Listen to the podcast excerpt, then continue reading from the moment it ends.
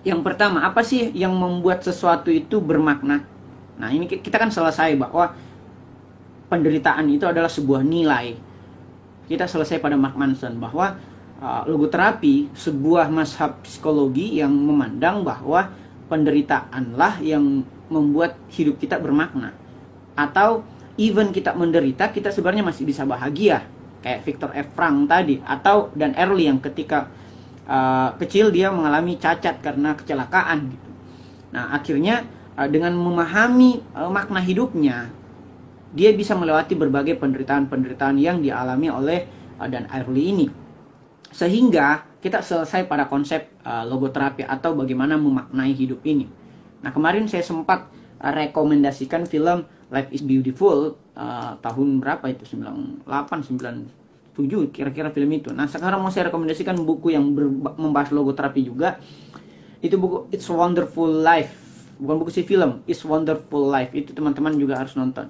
Artinya kayaknya 8,6, 8,7. Nah, silakan teman lihat di EMD. Nah, yang pertama, apa sih yang membuat hidup ini bermakna?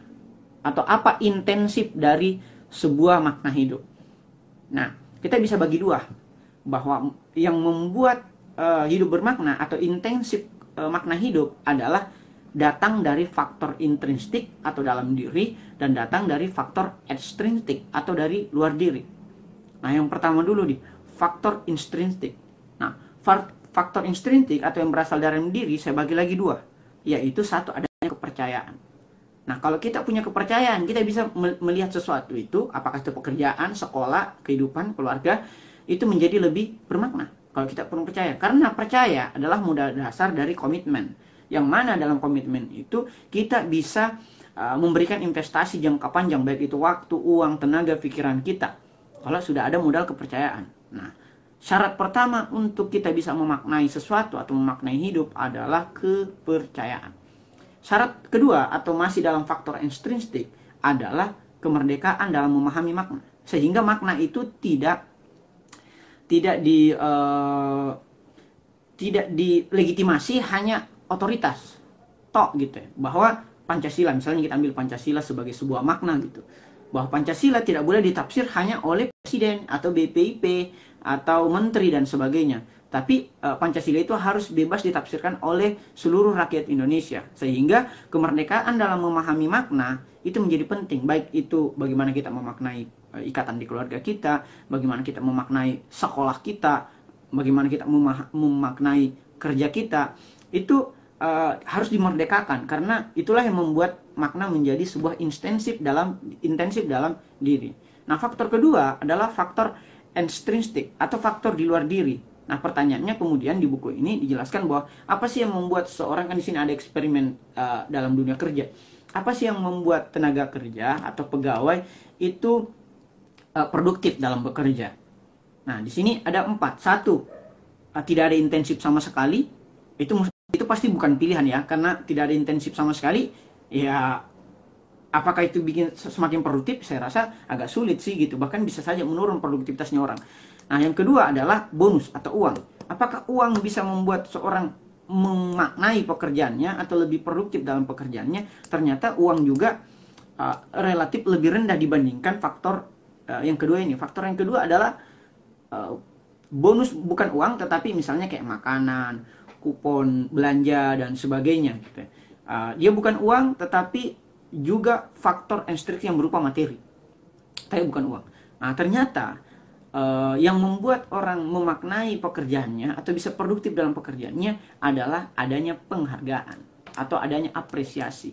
Baik itu berupa kata-kata melalui tulisan misalnya SMS atau chat, apalagi melalui kata-kata lisan secara langsung. Apalagi kalau disertai dengan ekspresi misalnya dengan memeluk dia, misalnya kalau bukan apa kalau sesama, laki-laki ya, memeluk dia atau memberikan tos atau apa pun itu, saya mungkin pekerjaan misalnya kita pimpinan nih, mungkin uh, tidak bisa berjalan sebagaimana biasanya ini perusahaan kalau tidak ada kok bro.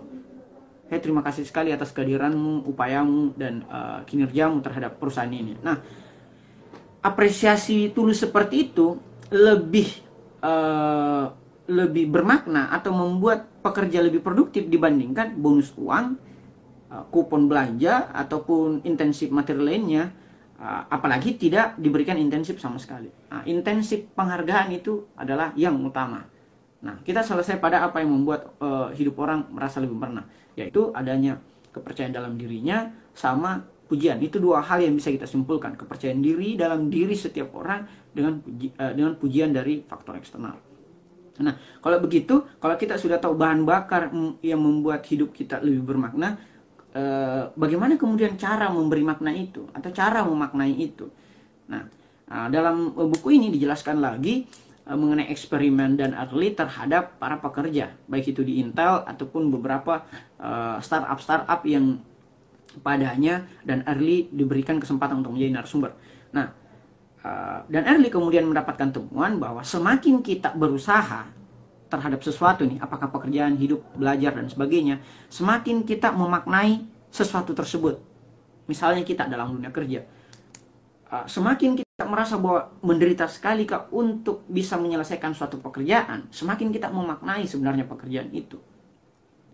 Misalnya kita sekolah, semakin eh, atau belajar, kayak Ferdi tadi, susahnya ini buku. Kita susah sekali saya pahami. Semakin kita susah memahami semakin kita hargai buku tersebut bahwa ini adalah buku yang betul-betul bermakna. Apakah kita belum selesai membacanya belum selesai meresensinya atau telah selesai selama kita merasa bahwa proses dalam menyelesaikan uh, buku tersebut susah kita menganggap buku itu adalah buku yang bermakna. Misalnya kalau saya sendiri membaca uh, mukadimah sementara baca kak mukadimah untuk keperluan uh, acara perspektif presenter uh, satu atau dua hari ke depan. Berat tebal iya tebal seribu uh, seratus halaman gitu. Apa enggak tebal itu? Tebal sekali bahkan kalau angkat bukunya kayak fitness gitu bro. Kayak pegang dumbbell. Tetapi uh, saya bisa memaknai bahwa sulitnya saya dalam belajar gitu membuat saya lebih memaknai esensi dari pembelajaran itu sendiri. Nah kalau bahasanya Imam Syafi'i bahwa kalau kau tidak dapat menanggung pahitnya uh, belajar silakan menanggung uh, kejamnya pembodoh apa kejamnya kebodohan atau gelapnya kebodohan gitu. Jadi kita harus menanggung ini pahit-pahitnya belajar, pahit-pahitnya bekerja. Bahkan salah satu uh, diterimanya taubat atau istighfarnya seorang menurut Sayyidina Ali adalah kesulitan mencari rezeki yang halal. Nah, itu juga kan penderitaan. Nah, di sini uh, dan Early kemudian memberikan contoh terhadap yang kemudian ia sebut sebagai efek IKEA. Nah, efek IKEA itu adalah uh, efek ketika kita membeli barang-barang di IKEA. Ya, you know lah IKEA. Kalau IKEA kan datang apa dibeli barangnya itu tidak langsung jadi misalnya mebelnya, tapi hanya berupa rangkaian-rangkaian yang mana kita disuruh susun sendiri pas di rumah, gitu. Dengan uh, buku petunjuk. Nah, menurut IKEA, IKEA bukan berarti apa produk IKEA bukan berarti orang malas yang kemudian tidak mau diselesaikan mejanya, kita disuruh selesaikan, bukan seperti itu. Tapi IKEA memahami melalui HRD-nya uh, bahwa setiap manusia itu menghargai sesuatu yang mana uh, sesuatu tersebut ada upaya di dalam uh, menyelesaikannya.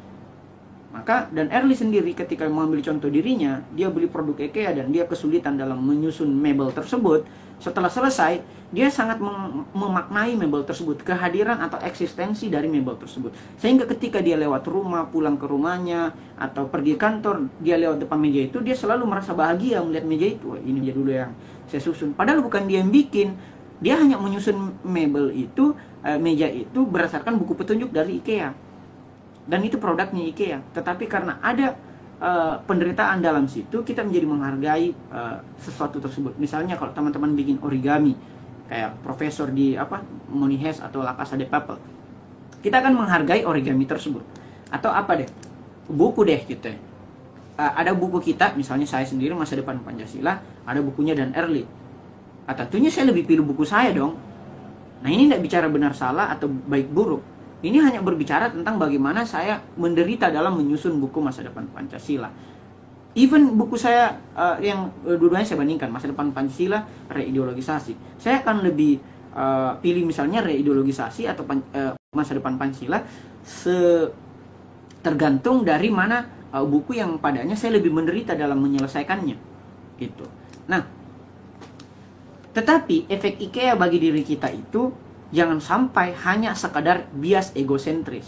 Bahwa misalnya ketika kita menyelesaikan suatu uh, karya misalnya kayak meja meja dari IKEA tadi atau buku saya jangan sampai bias egosentris. Kita selalu mengalami bias egosentris sejak kecil sampai dewasa. Kita merasa bahwa sesuatu yang padanya kita sangat menderita dalam menyelesaikannya itu artinya sesuatu itu bermakna bermakna uh, dalam bagi kita dan harus juga bermakna dalam bagi orang lain padahal nggak gitu gitu itu uh, namanya bias egosentris karya Anda yang sangat Anda hargai itu karena uh, penderitaan yang Anda alami dalam menyelesaikan karya tersebut belum tentu sama maknanya bagi orang lain. Gitu.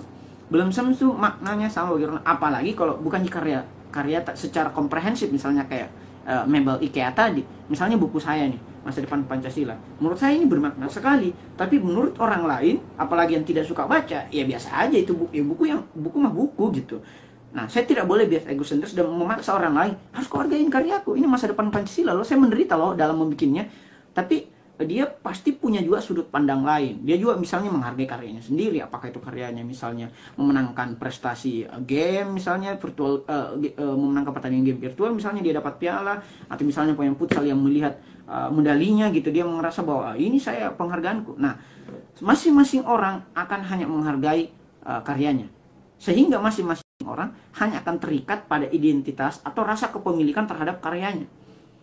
Nah, itulah alasan mengapa orang tua hanya menyayangi anaknya sendiri. Gitu. Apalagi anak yang paling menurutnya dia bersusah payah untuk bisa membuat anak itu menjadi anak yang soleh gitu. Nah, itu yang paling eh, apa disayang orang tua apalagi kalau dia tahu bahwa anak itu anak yang paling menderita hidupnya. Nah, terkadang ini, ini juga bocoran dari dan early. Terkadang orang tua ini tips bagi teman-teman uh, untuk mengetahui siapa anak tersayangnya orang tua. Terkadang anak tersayangnya orang tua adalah anak bukan anak yang paling baik. Kalau itu uh, bukan anak tersayang, mungkin itu anak yang paling uh, dibanggakan oleh orang tua. Tapi anak yang paling disayangi oleh orang tua adalah anak yang hidupnya paling menderita. Apakah dia sering gagal misalnya gitu? Eh, SD saja ujian nggak lolos gitu ya. Apalagi misalnya uh, sudah jelas-jelas ini kalau SMA ujian kan kita yuk dapat bocoran soal tidak lolos juga gitu ya. atau dapat kunci jawaban tidak lolos juga gitu. nah kebanyakan orang tua akan lebih sayang kepada anak yang menderita seperti itu misalnya anak yang cacat atau anak yang uh, uh, anak yang paling miskin di antara saudara-saudaranya. Orang tua biasa rasa kecenderungannya untuk menyayangi anak yang menderita itu lebih tinggi. Tapi bukan berarti bagi anak uh, oh, kalau gitu menderita apa dia supaya supaya saya kalau tidak seperti itu juga. Mending menjadi anak yang bermanfaat toh? anak yang bermanfaat atau anak yang berbakti daripada anak yang disayangi. Karena anak yang disayangi itu sangat subjektif gitu. Subjektif subjektivitasnya orang tua gitu. Nah kita masuk yang ketiga. Bagaimana menjadi pemberi makna? Nah siapa yang harus memberi makna yang harus memberi makna adalah satu CEO atau pemimpin CEO ini misalnya pemimpin bisnis atau ya presiden, bupati, gubernur, dia harus memberi makna. Dia harus memberikan makna kepada rakyatnya, kepada pimpinan, kepada bawahannya. Yang kedua orang tua. Orang tua harus menjadi pemberi makna. Nah, uh, orang tua harus menjadi orang yang selalu memberikan makna makna hidup kepada uh, anak-anaknya. Baik itu yang anak yang disayanginya ataupun anak yang dibanggakannya. Uh, yang ketiga adalah guru. Guru ini harus menjadi pemberi makna Nah, tetapi yang kita pahami sendiri sekarang jangan jangan kamu memberi makna. Guru saja hidupnya merasa dia tidak bermakna gitu. Jadi mustahil kan memberi makna tanpa memiliki makna itu sendiri. Nah, salah satu bukti bahwa guru tidak memberi makna atau tidak memaknai pekerjaannya sebagai guru adalah dia datang terlambat dan pulang cepat sekali. Itu contoh kasus. Nah, salah satu contoh bagi uh, siswa yang tidak memaknai pendidikan di sekolahnya adalah uh, dia ingin sekali cepat pulang dan ketika lulus dia coret-coret. Itu artinya dia me mendeklarasi kemerdekaannya terhadap perbudakan yang terjadi di sekolah, perbudakan dalam tanda kutip. Nah, sehingga jangan sampai uh, baik itu di pekerjaan, di sekolah ataupun di keluarga kita mengalami apa yang uh, dan Arli sebut sebagai rutinitas Sisyphus. Sisyphus adalah seorang dewa Yunani yang dikutuk untuk uh, menggelindingkan batu dari gunung. Tapi sampai di bawah disuruh lagi angkat ke atas. Begitu terus sampai dia mati. Itu dewa Sisyphus. Nah begitulah yang kita alami sekarang di kehidupan keluarga sekolah lingkungan apalagi pekerjaan. Rutinitas Sisyphus. Kita melakukan hal yang sama setiap hari tanpa makna sama sekali ketika kita berhasil menggelindingkan batu atau berhasil menyelesaikan suatu pekerjaan, menyelesaikan PR, menyelesaikan perkhidmatan sehari-hari di rumah tangga, kita jangankan dihargai, tapi kita harus melakukan hal yang sama begitu terus setiap hari. Sehingga kata Mark Manson kita akan mengalami apa yang kemudian disebut sebagai ambiar atau ketiadaan ketiadaan sama sekali. Rutinitas adalah uh, sesuatu yang uh, menjadi uh, prasyarat utama bagi lahirnya keambiaran atau uh, atau uh, kehidupan yang sisipus, mengulangi sesuatu yang begitu terus setiap hari. Pertanyaannya, apa kita harus keluar dari kerja atau kita berontak di rumah atau meninggalkan sekolah? Enggak. Nah, sekarang bagaimana kita memaknai pekerjaan, memaknai sekolah, memaknai keluarga. Caranya adalah menggeser paradigma baik itu paradigma kita terhadap pekerjaan misalnya kalau yang teman-teman yang sudah kerja paradigma terhadap pendidikan misalnya kita yang terus belajar dan paradigma terhadap bahkan hidup. Kita ambil contoh di sini ada contoh juga tetapi saya mengambil contoh yang paling uh, lebih relevan gitu ya yang selalu saya uh, jadikan contoh di beberapa diskusi-diskusi. Misalnya kita uh, adalah seorang apa kita bertanya ada cerita kita bertanya kepada seorang tukang ada seorang bertanya kepada seorang tukang tiga ada orang tukang. Nah, yang satu ditanya apa pekerjaan, apa profesimu. Ini kita melihat uh, komparasi atau perbandingan terhadap paradigma kerjanya uh, seorang pekerja. Apa pekerjaanmu?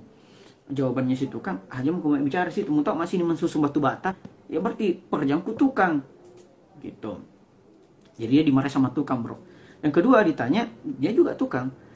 Apa pekerjaanmu? Gitu. Dia bilang, saya sementara membangun uh, hunian bagi uh, bagi saya saya sementara membangun hunian bagi uh, orang yang saya tempati bekerja agar saya bisa memberikan makan anak istri saya.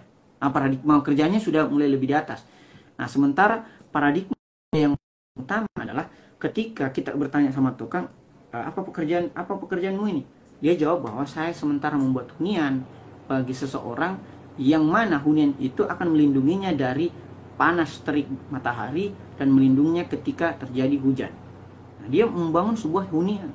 Jadi satu membangun sebuah bangunan, tukang yang pertama, satu membuat sebuah rumah, tukang yang kedua, dia hanya menganggap itu sebagai sebuah panggilan profesi, satu cuma panggilan kerja, satu panggilan profesi, yang terakhir panggilan hidup.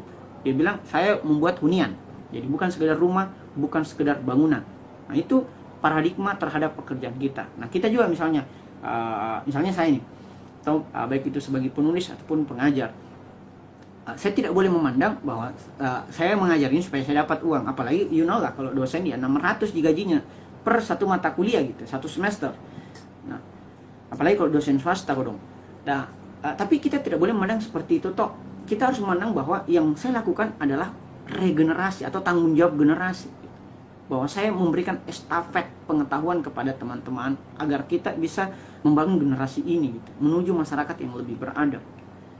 Bahkan kalau kita hanya memandang mengajar itu harus di ruang kelas yang terbatasi oleh empat dinding, berarti ini bukan ruang kelas gitu. Padahal yang kita lakukan sekarang ini juga ruang kelas. Yang kita lakukan sekarang ini juga adalah majelis zakat pikiran. Nah, jadi eh, cara untuk memberi makna kepada orang yang melakukan rutinitas harian baik itu kita posisi sebagai CEO, orang tua ataupun guru atau sekadar tukang adalah menggeser paradigma kita terhadap kerja, hidup ataupun berkeluarga. Apalagi kita nih yang lagi belajar-belajar, jangan karena hanya mau menerbitkan resensi atau menulis buku, tetapi ingin memberikan legacy atau warisan. Nah, ini uh, bab terakhir mengenai legacy atau warisan. Saya memberi uh, uh, subjudulnya sebagai eskatologi makna atau uh, bagaimana makna setelah kita mati akan terbagi dua. Ada wasiat spiritual, ada wasiat simbolis. Ini tergantung pandangan dunianya teman-teman. Kalau pandangan dunia teman-teman tauhid, itu wasiatnya kita spiritual. Dalam hal ini pahala jariah. Bahwa kita memberi makna karena kita mengharapkan pahala jariah nanti. Nah, sehingga pahala jariah misalnya ada murid yang uh, mengamalkan ilmu-ilmu kita, atau baik itu melalui buku ataupun diskusi kita, itu pahala jariah kita. Anak soleh yang sering mendoakan kita itu pelajaran kita itu makna eskatologis kita dan uh, misalnya kita membangun infrastruktur yang kemudian bermanfaat misalnya rumah sakit sekolah jembatan jalanan atau bahkan sekadar sumur itu juga pahala jariah atau wasiat spiritual kita atau makna eskatologis kita Nah, bagi orang yang berpandangan dunia materi, dia juga punya wasiat, bro. Dia juga punya wasiat, tapi wasiatnya simbolis. Nah, kita bagi dua. Wasiat simbolis yang tradisional, masyarakat tradisional itu biasa pada makam. Makanya dia membuat makam yang besar sekali, misalnya kayak Sphinx di Mesir atau uh, bahkan piramida gitu ya di Mesir itu kan makam sebagai perwujudan simbolis atau wasiat simbolis bahwa saya dulu pernah ada gitu. Nah, ini saya berikan ke sebuah uh, monu, uh, monumen gitu. Nah, Begitupun juga dengan uh, wasiat simbolis masyarakat modern dalam hal ini karya misalnya warisan gitu kepada anak-anak itu juga wasiat tetapi belum tentu uh, spiritual atau mendapatkan makna uh, di kemudian hari. Maknanya hanya sampai uh, di dunia saja. Makanya dikatakan wasiatnya simbolis. Sehingga ini relevan lagi nih kalau kita bahas bab 8 yang mustada mutahari dan nilai bagaimana amalan-amalan baik orang-orang yang tidak percaya kepada atau tidak beriman amalannya hanya sampai dunia juga. Dia hanya dikenang dunia. Kita ambil contoh Einstein gitu Einstein wih, banyak kan teorinya relativitas dan sebagainya. Kalau misalnya Einstein niatnya untuk berkarya kemarin itu adalah untuk diakui di dunia untuk masyarakat dunia toh berarti amalannya hanya tinggal di dunia. Tapi kalau ternyata amal, uh, dia berniat untuk uh, keluhuran ukhrawi uh, berarti amalannya uh, nyangkut juga nanti di akhirat. Wallahu alam. Yang jelas uh, sabdanya Rasul inna amalu binat sesungguhnya amal itu bergantung niat. Maka kita harus berbagi terus niat. Nah mengapa kemudian kita berwasiat? Mengapa kita kemudian memberikan makna walaupun kita tahu bahwa kita akan mati?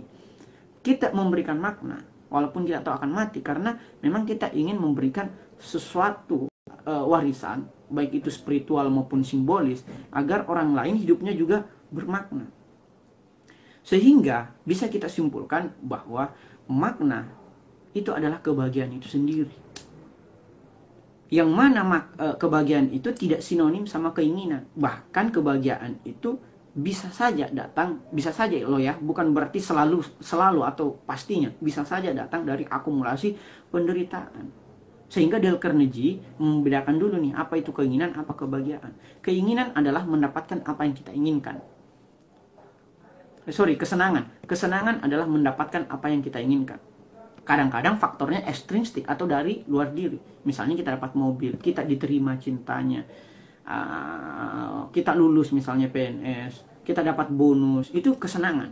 Datang dari diri luar diri mendapatkan apa yang kita inginkan. Sementara kebahagiaan itu selalu pada hal-hal yang bisa kita dapati secara sederhana atau dari intrinsik jika kesenangan adalah mendapatkan apa yang kita inginkan kebahagiaan adalah menginginkan apa yang kita dapatkan. Kemarin uh, waktunya kami kuliah dulu ada yang bertanya gitu. Teman waktunya kita diskusi menginginkan apa yang kita dapatkan maksudnya tidak gila gitu. Kita kan sudah dapatkan masa kita inginkan lagi? Nah menginginkan apa yang kita dapatkan dengan kata lain atau kata sederhananya adalah bersyukur sehingga menurut kami Resento bersyukur itu mendatangkan syukur-syukur lainnya bahkan kata Usmit bersyukur itu sendiri lebih mulia dibandingkan objek yang kita syukuri. Misalnya kita sholat, itu objeknya. Kita bersyukur bisa sholat atau sujud syukur setelah sholat. Itu lebih mulia daripada sholat itu sendiri. Karena kita dapat sholat. Kita bersyukur kepada Tuhan, kita dapat sholat. Kalau kita saya sholat tapi tidak bersyukur, bahkan kita merasa bangga aja gitu. Oh, saya sudah sholat tapi tidak bersyukur, tidak mendapatkan apa yang kita, tidak menginginkan apa yang kita dapatkan dalam hal ini sholat, atau kita tidak khusus dalam sholat kita, dalam hal ini khusus adalah prasyarat bagi kesyukuran, sehingga sholat itu bisa jatuh kepada habit, bukan kepada adab. Sehingga uh, penderitaan bisa menjadi kunci bagi datangnya makna hidup atau kebahagiaan. Sehingga pula rajin-rajinlah menginginkan apa yang telah kita dapatkan atau bersyukur. Saya kira itu dulu. Terima kasih, sorry kalau ada salah-salah kata. Selamat menderita, selamat memaknai penderitaan. Assalamualaikum.